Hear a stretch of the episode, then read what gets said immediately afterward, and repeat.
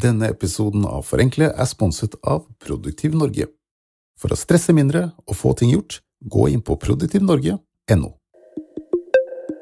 Da kunstneren Michelangelo ble spurt om hvordan han gikk frem for å lage sin mest berømte skulptur fra en simpel marmorblokk, skal han ha svart enkelt.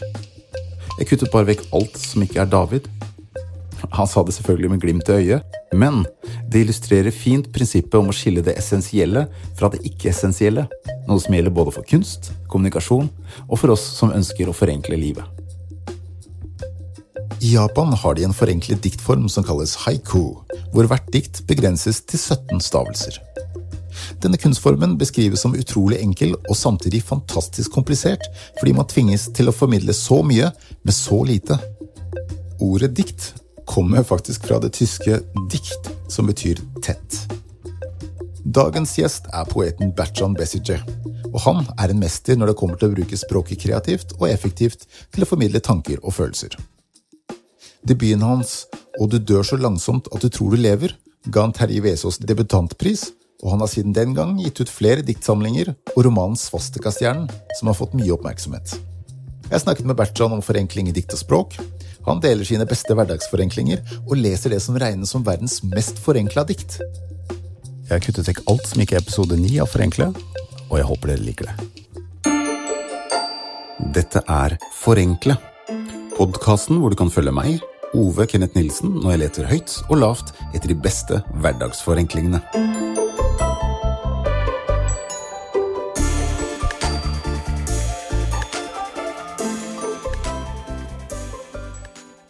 Jeg heter Bertrand Bessinger.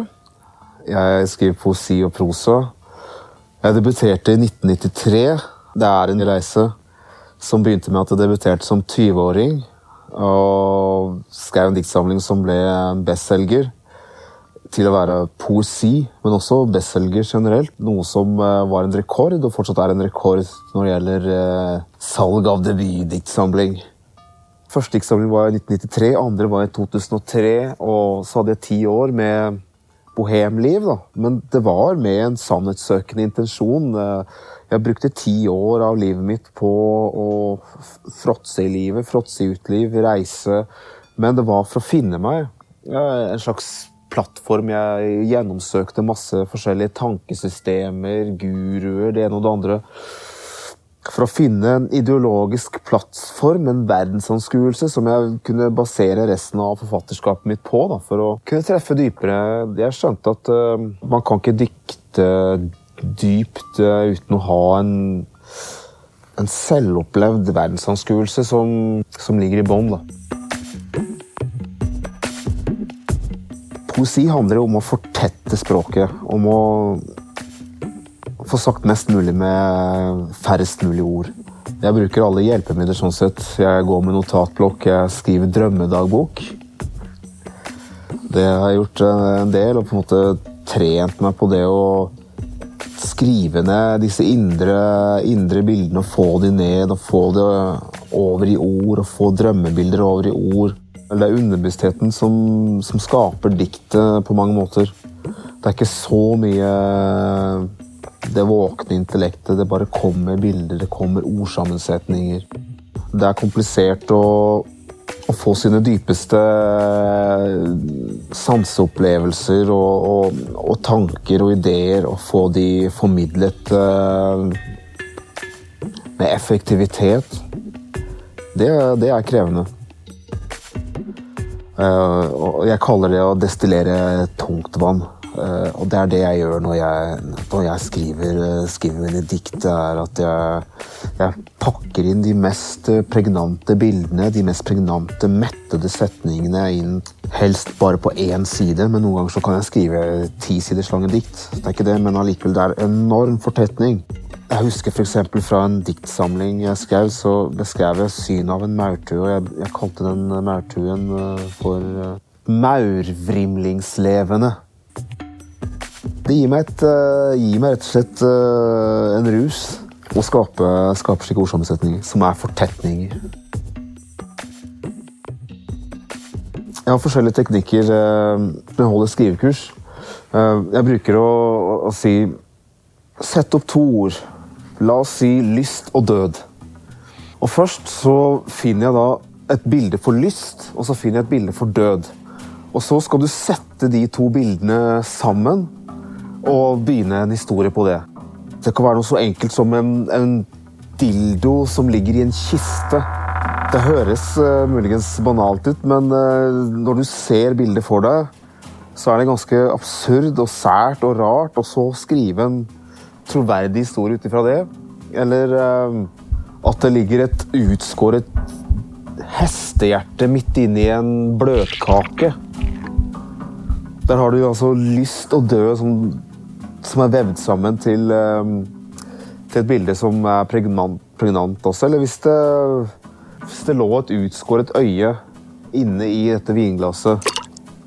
Jeg drikker det og spiser det og kommer til øyet, men jeg skvetter ikke, f.eks.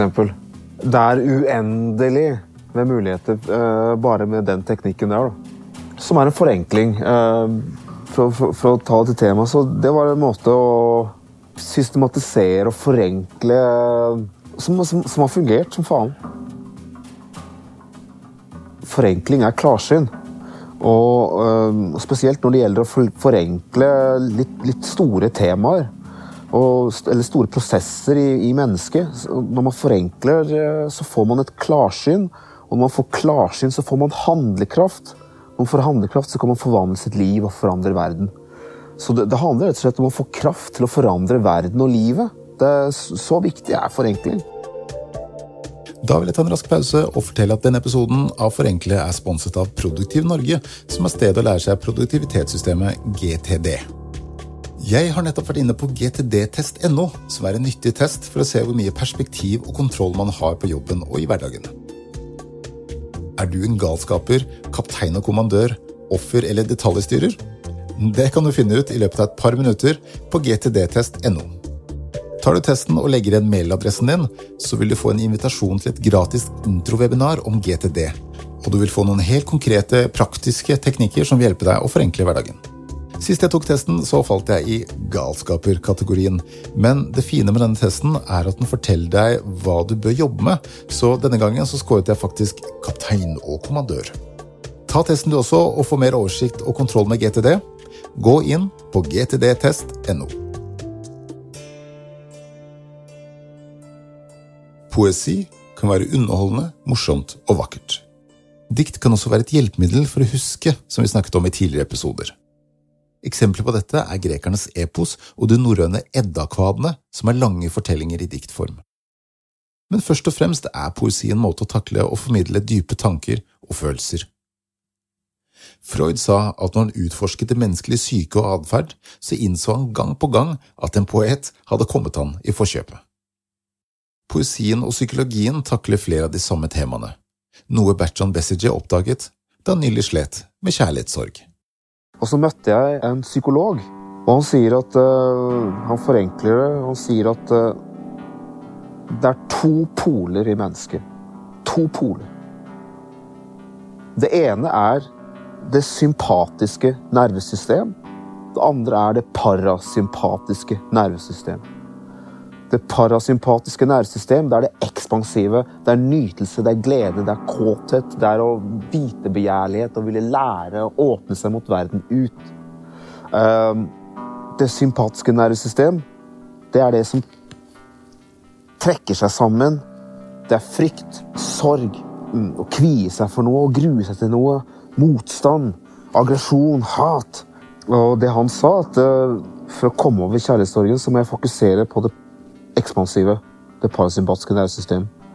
Han sa bare 'trening, venner, trening, venner, trening, venner'. Så, så, så åpner jeg meg, åpner jeg meg, åpner jeg meg. Så for at å gå inne i den knyttneven av en kjærlighetssorg, det, det gjør at hele nervesystemet og psyken din lukker seg hele tiden og er en knyttet neve. Og, man, og man, så låser man bak. Man låses i, i reptilhjernen, som de kaller det. Og man går nesten i sånn overlevelsesmodus uten å vite det sjøl, ofte. Og da har du laget deg en tvangstrøye sånn rent uh, kjemisk. Også kroppen er en tvangstrøye av stresshormoner uten at du vet det sjøl. Og da kommer du ikke ut. Du finner ikke løsningene. Og du kan i hvert fall ikke forelske deg på nytt. I boka di 'Svastikastjernen' har hovedpersonen evnen til å se inn i fremtiden. Hvis du selv hadde hatt den evnen da du var ung, hva ville du gjort annerledes? Og hvilke råd ville du gitt deg selv da? Det første jeg har eh, sagt til meg selv, det er å slutte å spise all den drittmaten. og trene litt. Det er egentlig bare eneste jeg har sagt. Fordi jeg, jeg, føler at jeg stort sett gjorde alt uh, riktig. Og jeg ville selvfølgelig sagt ikke dra, ikke bli dratt etter pikken hele tida. Prøv å Men det hadde jeg ikke greid. Det, det, er et råd som jeg ikke ville tatt.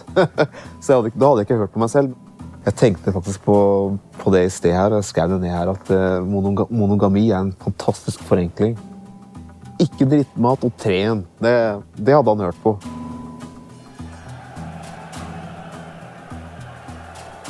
Jeg kommer til å tenke på uh, bokseren Muhammed Ali, som også var veldig verbal i sin uh, gullalder. Uh, han holdt en tale på et universitet, og så var det noen i publikum som ropte 'gi oss et dikt'.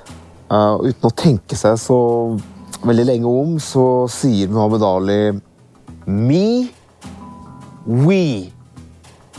Og det har gått ned i historien som verdens korteste dikt.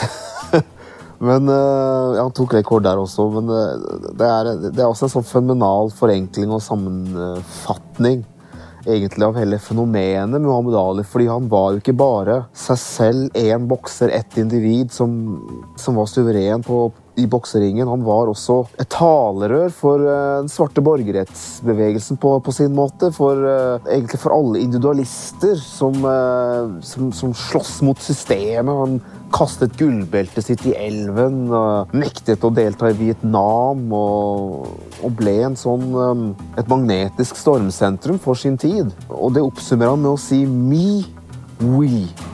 Altså, det er briljant. Hvorfor nyter hjernen forenkling? Muligens fordi alt kanskje i bånn er veldig enkelt. Um, at grunnkreftene i kosmos er veldig enkle. Kanskje er det derfor, men uansett, hjernen nyter forenkling. Poesi er forenkling, forenkling er poesi.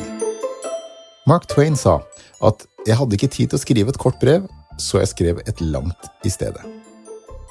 Det tar tid å komme til kjernen av ting.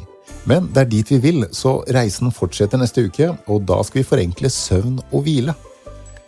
I episoden du nettopp har hørt, så tenkte jeg at jeg skulle forenkle litt da jeg lagde musikken, så jeg har blant annet brukt en Mojees, som er en spesiell mikrofon som man kan klistre fast til ting, og som man kan bruke for å gjøre nesten hva som helst om til et instrument. Dette er for eksempel en helt vanlig tallerken.